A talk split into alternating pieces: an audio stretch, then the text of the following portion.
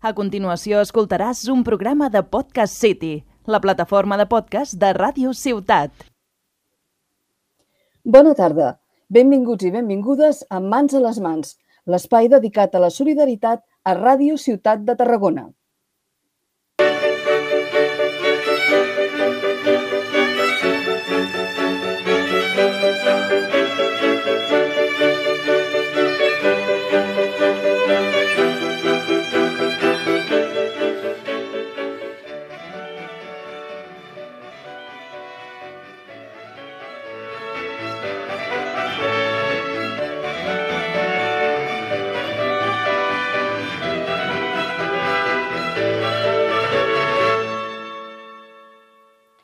Deixeu-me que us expliqui una història.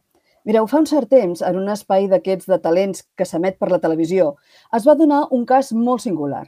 Enmig del friquisme que sovint pol·lula per aquests programes, també hi apareixen artistes d'una categoria extraordinària que no són coneguts i que busquen en un Got Talent la seva oportunitat. En aquest cas us parlo del Got Talent en la seva versió americana. Welcome to America's Got Talent. What's your name? De cop i volta, entren a l'escenari il·luminat dues persones mentre el públic aplaudeix i xiula. El jurat està disposat a prestar atenció a la nova actuació que està a punt de començar. Entre aquest jurat hi ha l'implacable Simon Cowell. Les dues persones que entren a l'escenari són una dona i un noi jove. La dona no té res a veure amb l'actuació i només acompanya el noi perquè és cec i, per tant, el guia fins al vell mig de l'escenari. El jurat els dona la benvinguda i pregunta al noi qui és i ell respon que és en Cody Lee. Li pregunten quants anys té i respon que 22. Llavors es dirigeixen a la dona i també li pregunten. Resulta ser la mare de Cody, la Tina Lee. Llavors, la Tina Lee explica que el Cody és sec, cosa que salta a la vista, però també és autista explica que es va donar que en Cody s'expressava infinitament millor a través de la música i havia après a tocar el piano i que, de fet, malgrat el seu autisme, la família pensava que Cody és un autèntic artista. Per això, precisament, i malgrat el seu autisme, l'havien animat a presentar-se al programa. De fet, estaven convençuts que gràcies a la música, les limitacions del Cody es convertien en les seves oportunitats i que la música havia sigut decisiva per ajudar el Cody a trobar el seu lloc al món. El Cody era ben bé un altre quan tocava el piano. Per tant, enmig de l'expectació de tot el públic i el jurat, la Tina li ajuda en Cody a seure's davant el piano i ella desapareix. Llavors comença la màgia. En Cody posa les mans sobre el piano i canta així.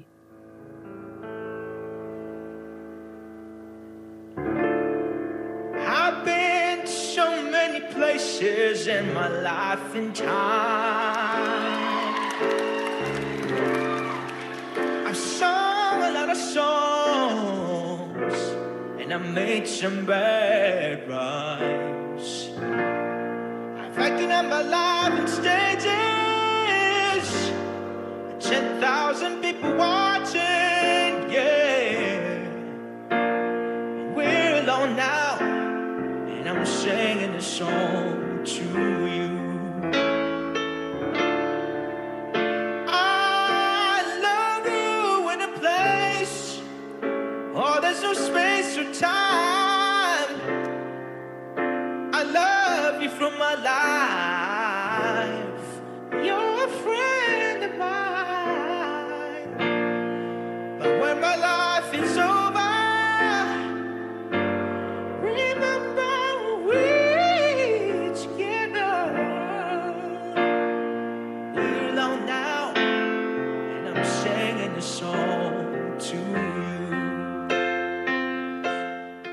Sens dubte és el moment més emocionant de la nit.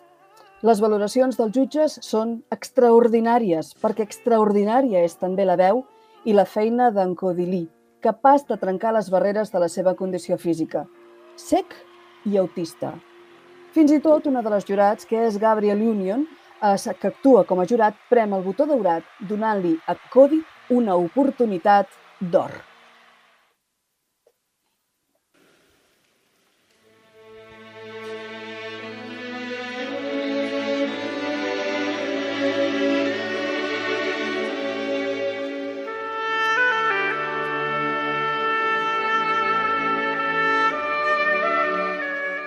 En les últimes dècades ha augmentat el nombre de persones diagnosticades amb un trastorn de l'espectre autista.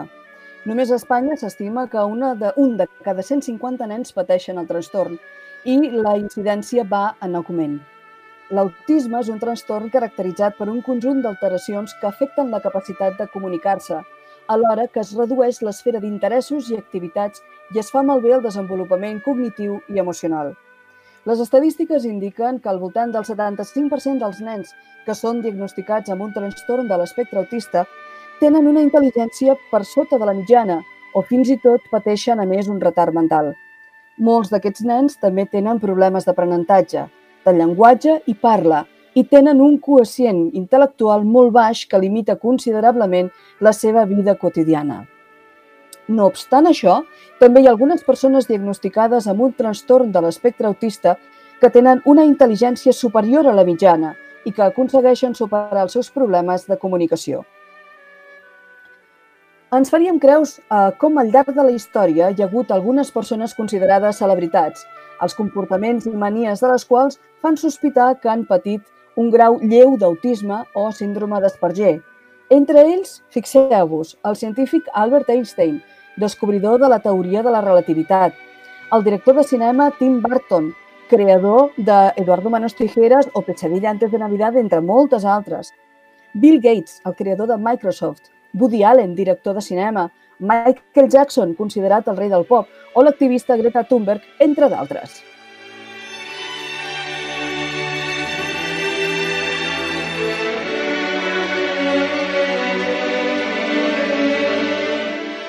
Avui l'autisme és el protagonista de, de Mans a les Mans i per fer-ho hem convidat el, el president de l'associació Estefànies d'aquí de Tarragona. Us la presento. L'associació Estefànies va ser pionera a les comarques tarragonines.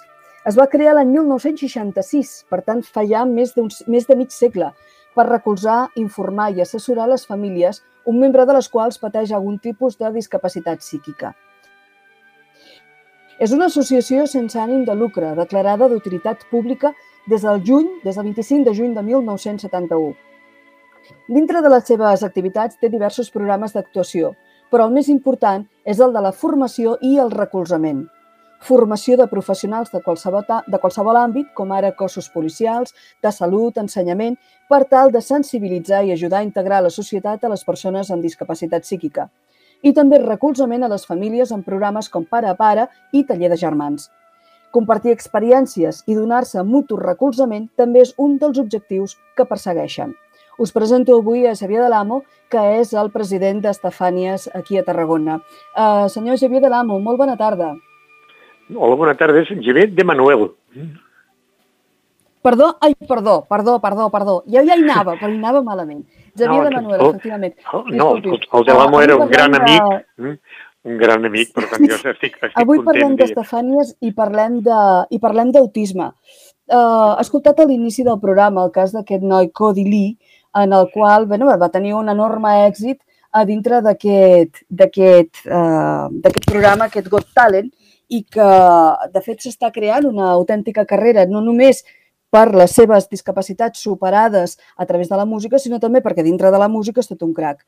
Uh, es troben persones així? Hi han persones que, tot i patir aquesta, aquest autisme, aquests problemes, es poden superar fins a aquest extrem?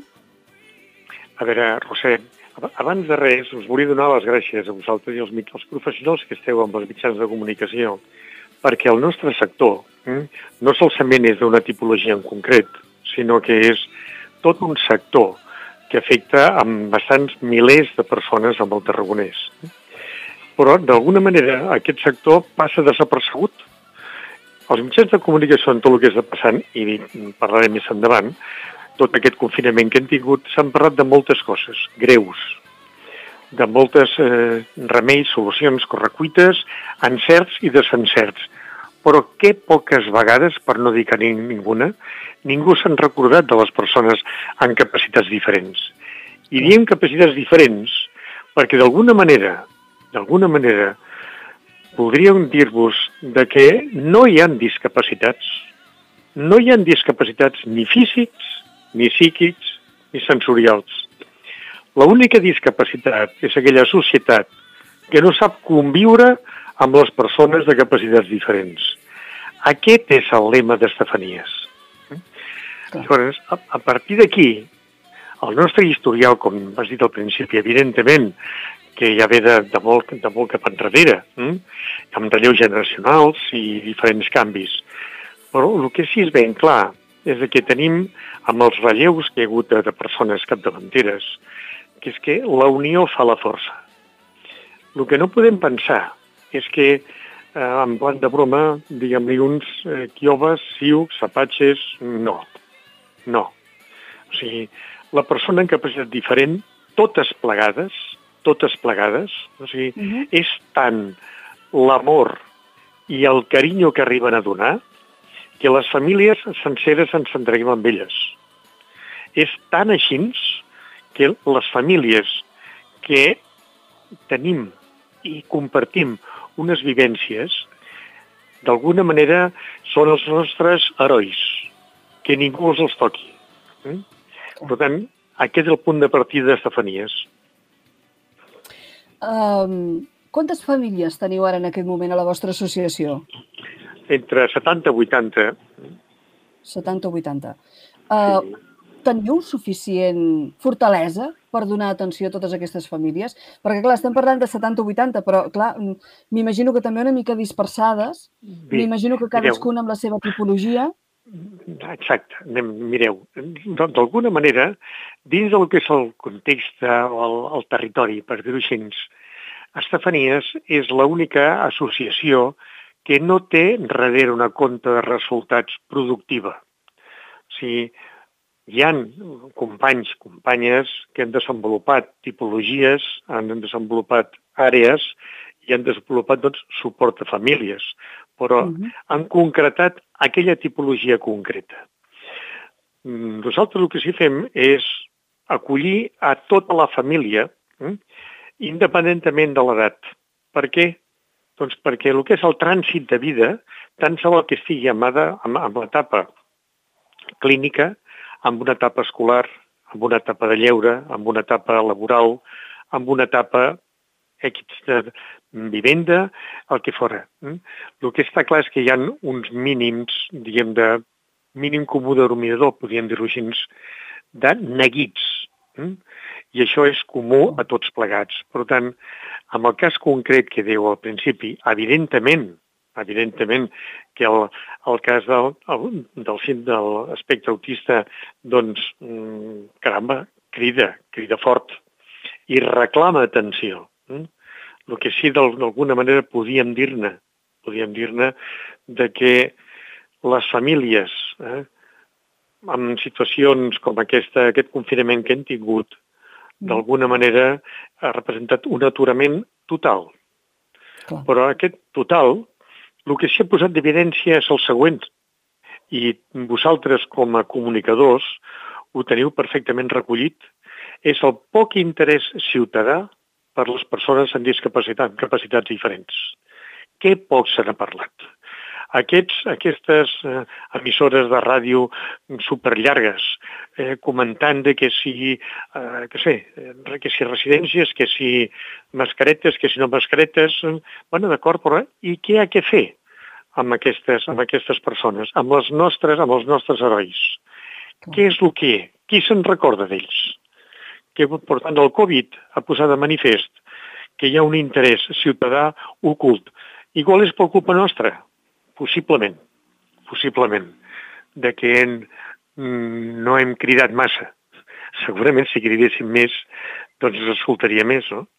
Sí, però certament... El, el, el problema d'alguna forma, no? I no és per atribuir-lo absolutament a ningú, però clar, jo crec que, que, i sense excusar ningú tampoc, però penso que han passat tantes coses en molt poc temps concentrades ja. que no sé si s'ha atès a tothom uh, tal, com, tal com tocava i tal, i tal com calia i tal com necessitava.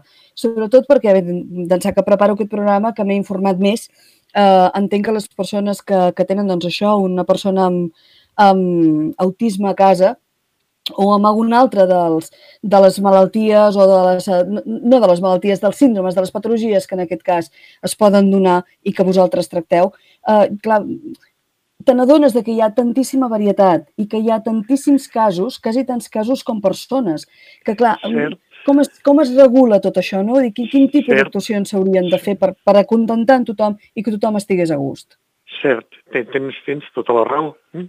Aleshores, el que nosaltres opinem, o per almenys fem el clam següent, o sigui, el que és ben clar és que el ciutadà mm, eh, té, o tenim perfectament assumit, unes estructures socials. Estructures socials de què hi ha plataformes. Aquestes plataformes, mm, que són, mm, poden ser-ne cíviques, poden ser-ne administratives o poden ser-ne autoritat.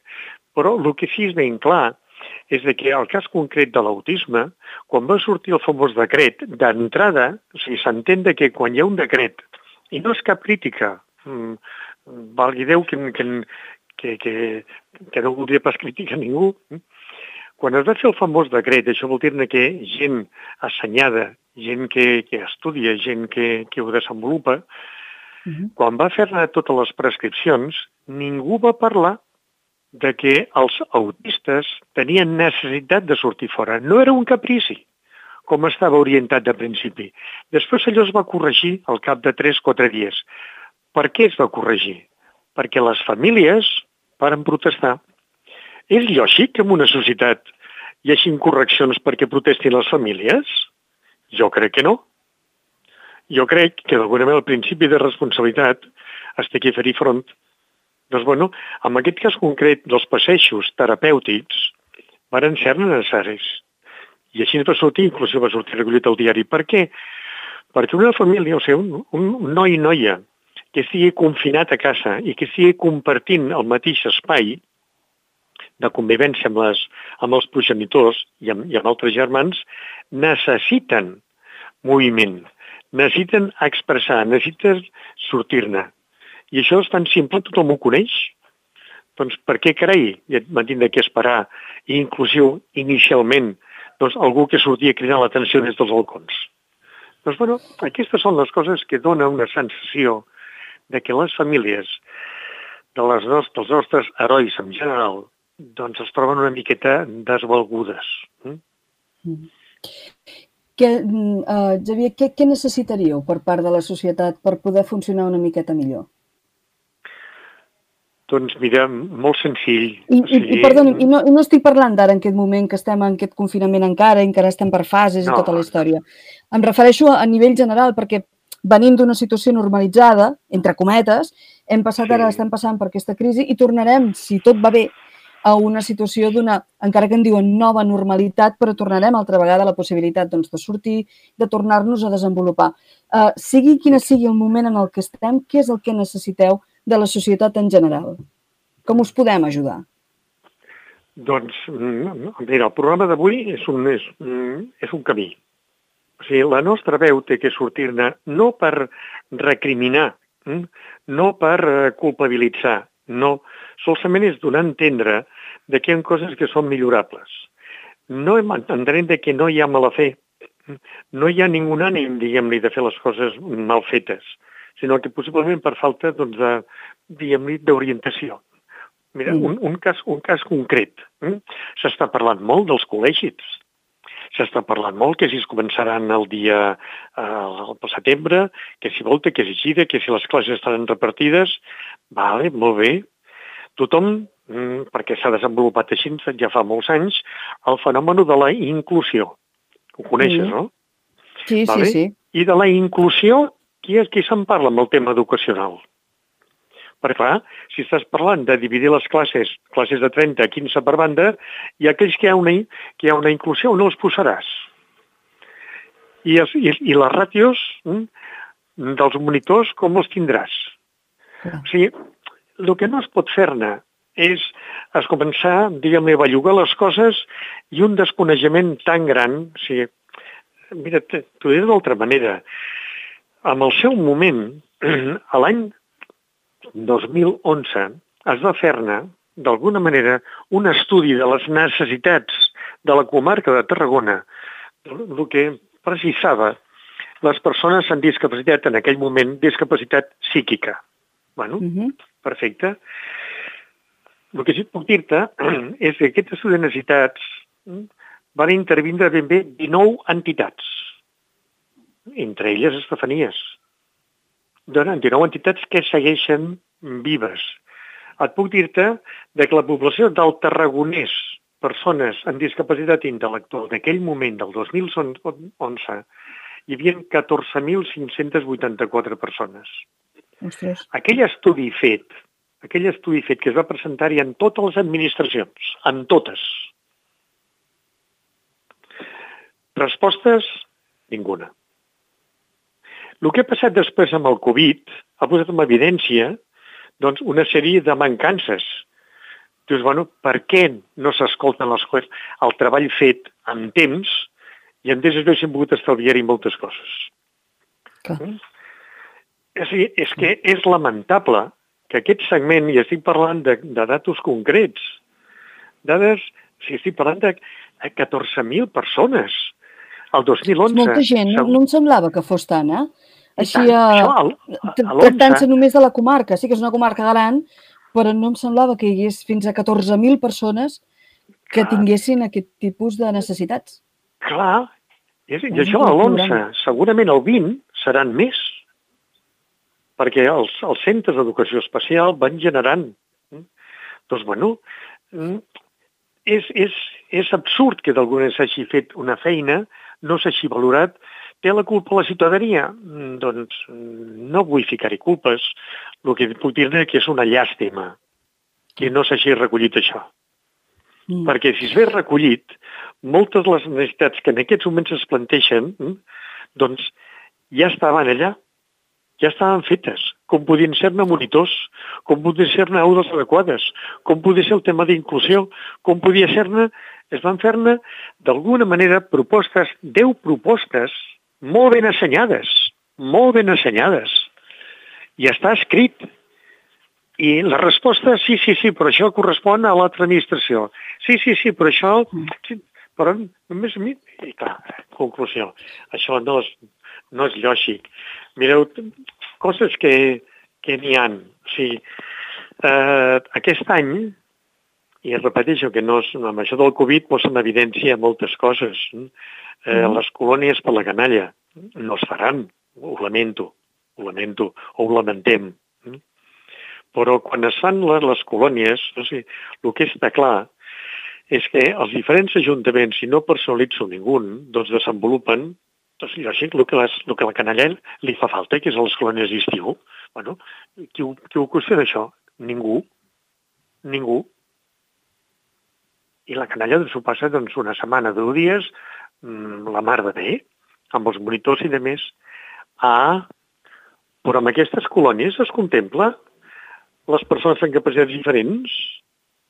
Doncs no, senyora. Clar. Llavors, què s'està fent amb els diners públics? O sigui, que són preguntes que queden a l'aire, però que crec que el, el Covid el que té que, mm, ens té que ensenyar que és un punt i a part i tenim que reflexionar. No es tracta, diguem-li, d'anar mm, criticant i gemegant, sinó que, a veure, com es pot millorar el que estem fent? I això molt senzill. És dir, escolta'm, hi ha persones amb capacitats diferents, per famílies que les estem portant i sabem perfectament de què estem diferenciades. Sabem perfectament que d'alguna manera mm, tenim que tirar endavant i no tenim relleu. I tirem endavant. I, hem, i fem front a, uns, a unes despeses i amb molt de carinyo, no és ninguna crítica, hi ha molt de carinyo, perquè tot el que sigui la felicitat d'un autista doncs, amb teràpies, mm, del tipus que siguin, mm? doncs d'alguna manera doncs, podem tirar endavant. O sigui, si necessiten estimulació sensorial, o necessiten psicomotricitat, o necessiten una natació adaptada, evidentment. I Estefanies, evidentment, que apoya. O sigui, aquest, amb el que portàvem, o sigui, el que portàvem de, de trimestre abans de que passés el que ha passat, hem atès 46 casos. Doncs, bueno, jo crec que això, això és important. Per què?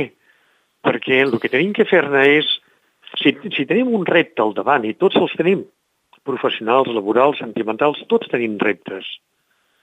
d'alguna manera, un repte el podem superar si no estem sols. La solitud és el que fa frenar els desenvolupaments. I Estefania és el que ofereix, és acolliment, i per poder atendre cada una de les famílies. Uh, la introducció que us feia parlava de que teniu diferents programes uh, d'activitats mm, orientades precisament a diferents casos. Uh, pares sí. en pares, uh, germans, sí. programes, uh, tallers per, per, per germans. Expliqui'ns una miqueta com funciona tot això i, bueno, i una mica quin és el resultat que s'obté d'aquests tallers. Sí, ha estat tot, tot aturat. Eh, així, en aquest moment sí, clar. Sí, clar, tot aturat i, i, i estarà aturat, perquè d'alguna manera Eh, ara hi ha unes normes, eh, diguem-ne, sanitàries que abans de, de cridar la concurrència doncs tenim que, tenim que ser molt prudents, no? Però, bueno, el que està clar que ens en sortirem, o sigui, no tinc pas cap dubte que ens en sortirem. O sigui, Estefanies, dins de lo que, dins de lo que té, està vinculada a una plataforma important a nivell de Catalunya, que és DINCAT, no sé si et sona. Mm? No. Mm? doncs és d'alguna manera és una plataforma capdavantera dins de Catalunya eh? i que representa tot el teixit de, disc, de capacitats diferents, concretament discapacitat intel·lectual. Eh? I a més a més, d'alguna manera, ella està vinculada amb una plataforma de rango nacional que és plena inclusió, eh? que això ja és... I uh -huh. el que sí que puc dir-te que quan hi ha unes trobades eh? i veus que i participa molta gent en diferents llocs de procedència, et dones compte de que el teu malic no és l'únic. Llavors, ah. amb aquestes trobades que hi fem doncs, de, de pare a pare o de, de, o de, o de, o de conferències, per exemple, doncs, l'any passat vam fer-ne doncs, dos molt maques, o sigui, una és sobre el tema de problemes de conducta. Mm? I llavors invitem els pares de les famílies, doncs hi ha una, un, un monitor, una persona assenyada que ho expressa i evidentment hi ha un torn amb el qual cadascú pot exposar doncs, les, seves, les seves problemàtiques. O sigui, crec que és força interessant. Posteriorment es va fer-ne un altre sobre el tema doncs, de patrimoni, patrimoni i testaments, a través doncs, d'un doncs, abogat de, de renom que va vindre aquí a Tarragona. Doncs, bueno, per què? Doncs perquè tots tenim les nostres eh, cuites i amb això el, el grup per a pares el que sí intentem és transferir l'experiència. Mm? Perquè Clar. no és el mateix doncs, una persona doncs, que, eh, jo què sé, una família que estigui en aquests moments doncs, puixant canalles doncs, de 3, 4, 5 anys, que una que estigui amb canalles doncs, de 40 o una altra que estigui amb canalles de 65. El que sí és important és que l'experiència de cadascú la puguem transmetre, perquè hi ha així unes, unes famílies, unes persones que es puguin gaudir d'aquesta experiència. Experiències compartides que són potser les més enriquidores de totes. Uh, Xavier, quan tornem altra vegada a aquesta nova normalitat de la que es parla, com us podrem ajudar? Com, des de la societat, des de, la, des de la, les possibilitats de cadascú, com podem donar-vos un, un cop de mà? Com podem col·laborar, participar amb vosaltres? Doncs, doncs mira, molt senzill. Una de les coses que teníem, i, tenim, i va quedar doncs, truncat pel, pel bitxos, amb, col·loquialment li diem bitxo. Amb el... bitxo, sí, el bitxo, bitxo. el mal bitxo. doncs, amb el bitxo que ens, ens va parar, hm, teníem un projecte molt maco, que era preguntar amb els diferents eh, centres educatius quin és, eh, fèiem unes enquestes de quines eren d'alguna manera, les 10 mm, pors, 10 preocupacions que tenien més les famílies. Mm? Van recollir unes quantes, bastantes, quasi un centenar, o sigui, en aquests moments eh, Estefanies té una, informa, té una informació de les famílies, informació que preteníem mm, poder-la entregar a l'administració per, per dir-li a l'administració, escolteu, les famílies els interessa més aviat això que no passa allò altre que hi voleu fer-ne. Mm? O sigui, poder canalitzar mm? Doncs el poc hi tenim. Som conscients també de que el, el Covid o el bitxo doncs, provocarà una, una retallada pressupostària. Mm? I això ens, ens, ho veiem, ens ho veiem venir. Mm? Ja, Però per això mateix, hi trobarem tots en fa l'efecte. Exacte. Per això mateix el que diem és que eh, els mitjans, els mitjans de comunicació podeu fer molt molt amb nosaltres. De dir, a veure, nosaltres estem disposats a col·laborar, o sigui, que se'ns inviti a participar-hi. Si tenim que anar-hi amb un plenari a parlar-hi, si tenim que anar amb una junta, a una junta, si tenim que anar amb una associació de veïns, associació de veïns, on faci falta per parlar d'aquestes persones que són desconegudes en el millor dels casos i a vegades són conegudes pels seus comportaments o pels seus mm, problemes de no, problemes, situacions de conducta i estan marcades pejorativament i això és lamentable. I això és molt lamentable que ja, una ja, persona ja. se'l coneixi només per les situacions d'incorrecció social. Dius, home, home, no, jo crec que hi ha molt de treball a fer i, els, i això sí que fem un clam, al, un clam a l'aire de dir, a veure, agafem amb tot el carinyo els vostres oferiments, però mm, seguim, continuem, o sigui, que no sigui allò de flor d'un dia. O sigui, creiem que el tema de la, de la capacitat diferent és que realment és així. Ja. Perquè abans us he dit al principi, una persona, pel sol fet de que, de que tingui una mancança, i la pregunta és, qui no té mancances? Sí, clar, és que no té una té una ceba. I, i és començant per mi. Sí, sí. Qui no té mancances? Portar ulleres és, és una mancança. Ja. Tan senzill. I, no sé, 40.000 coses foten qui no té mancances. Sí, hi ha que saber doncs, conviure. Això és una de les, de les coses que els pares, les famílies, confinats, sobretot amb, amb, amb nois, noies autistes o en petita casa, que és, eh, tots a casa tenim perfectament el nostre espai. Però una cosa és un espai que estàs compartit en uns moments, en unes hores, i l'altra cosa és un espai que està compartit les 24 hores al dia i diversos dies. Un dia i un altre dia i un altre dia. Clar. Exacte. Sí. I això, d'alguna manera, aquests, eh, sí, aquests, aquests pares, aquestes famílies, doncs, han, han tingut que veure els bucles de comportament. Eh? O sigui, s'han tingut que transformar-hi en petits monitors eh? per poder-hi front, fer front a una situació. Eh? O sigui, improvisar. Doncs, bueno, ojo, i s'ha fet perfectament. T'adverteixo que Estefania està en contacte eh, mitjançant whatsapps amb grups de pares i de més, i Déu-n'hi-do, Déu-n'hi-do el que s'ha fet. Déu-n'hi-do, sí.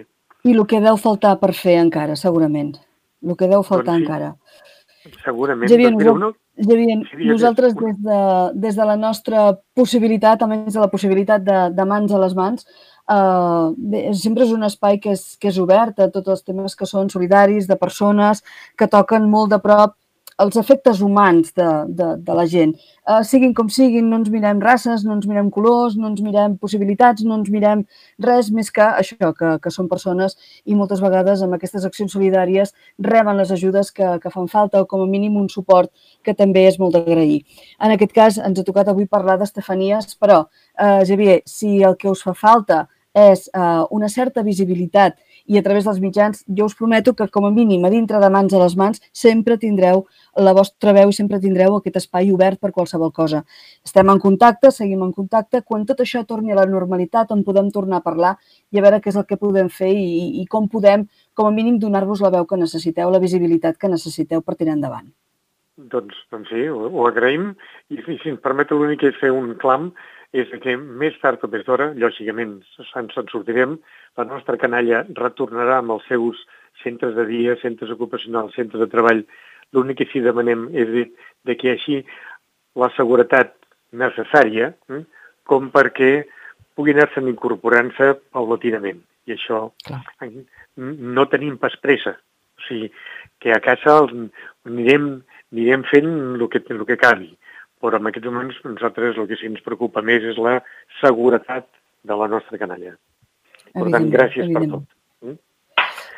Javier Manuel, moltíssimes gràcies. President Estefanies, moltíssimes gràcies per atendre'ns avui i, com li deia, ho emplacem per quan tornem altra vegada a aquesta normalitat o, en tot cas, per quan Estefanies li faci falta i convingui, sempre tindreu a disposició aquest espai i aquesta humil servidora. Moltíssimes doncs, gràcies. Una abraçada gràcies, forta. Una abraçada, gràcies.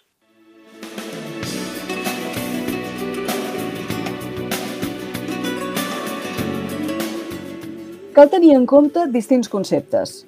Abans que res, l'autisme no es cura, es comprèn. Una persona neix amb autisme. Una persona amb autisme sent igual que tota la resta. Hi ha persones amb autisme que parlen i altres utilitzen altres formes de comunicació. Comprendre-les és molt gratificant. Una persona amb autisme té capacitat d'aprenentatge i pot aconseguir les seves metes. Una persona amb autisme pot anar a l'escola i aprendre juntament amb altres persones sense autisme a la mateixa aula. De la mateixa manera que hi ha dues persones iguals, tampoc hi ha dues persones iguals amb autisme. L'autisme és un síndrome, amb un espectre molt ampli, no és pas una malaltia, i afecta a les persones de forma molt diferent. Les persones amb autisme gaudeixen del que és quotidià, el tangible i objectes de veritat. Per a una persona amb autisme pot ser difícil pensar i comportar-se de forma flexible.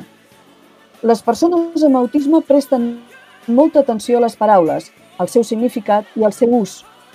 A les persones amb autisme els resultaria molt difícil mentir, ja que això implica controlar molt bé els gestos i intencions que acompanyen a una mentida. I finalment, dintre de les moltes coses que podríem explicar, és autista, no. Persona que té autisme, sí.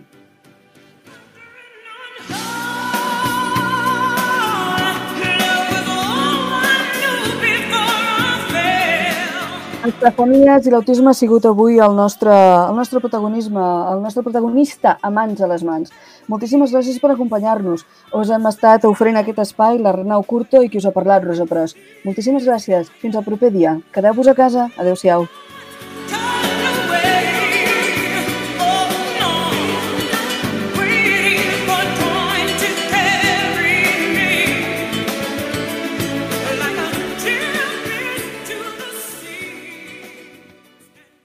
Has escoltat un programa de Podcast City, la plataforma de podcast de Ràdio Ciutat.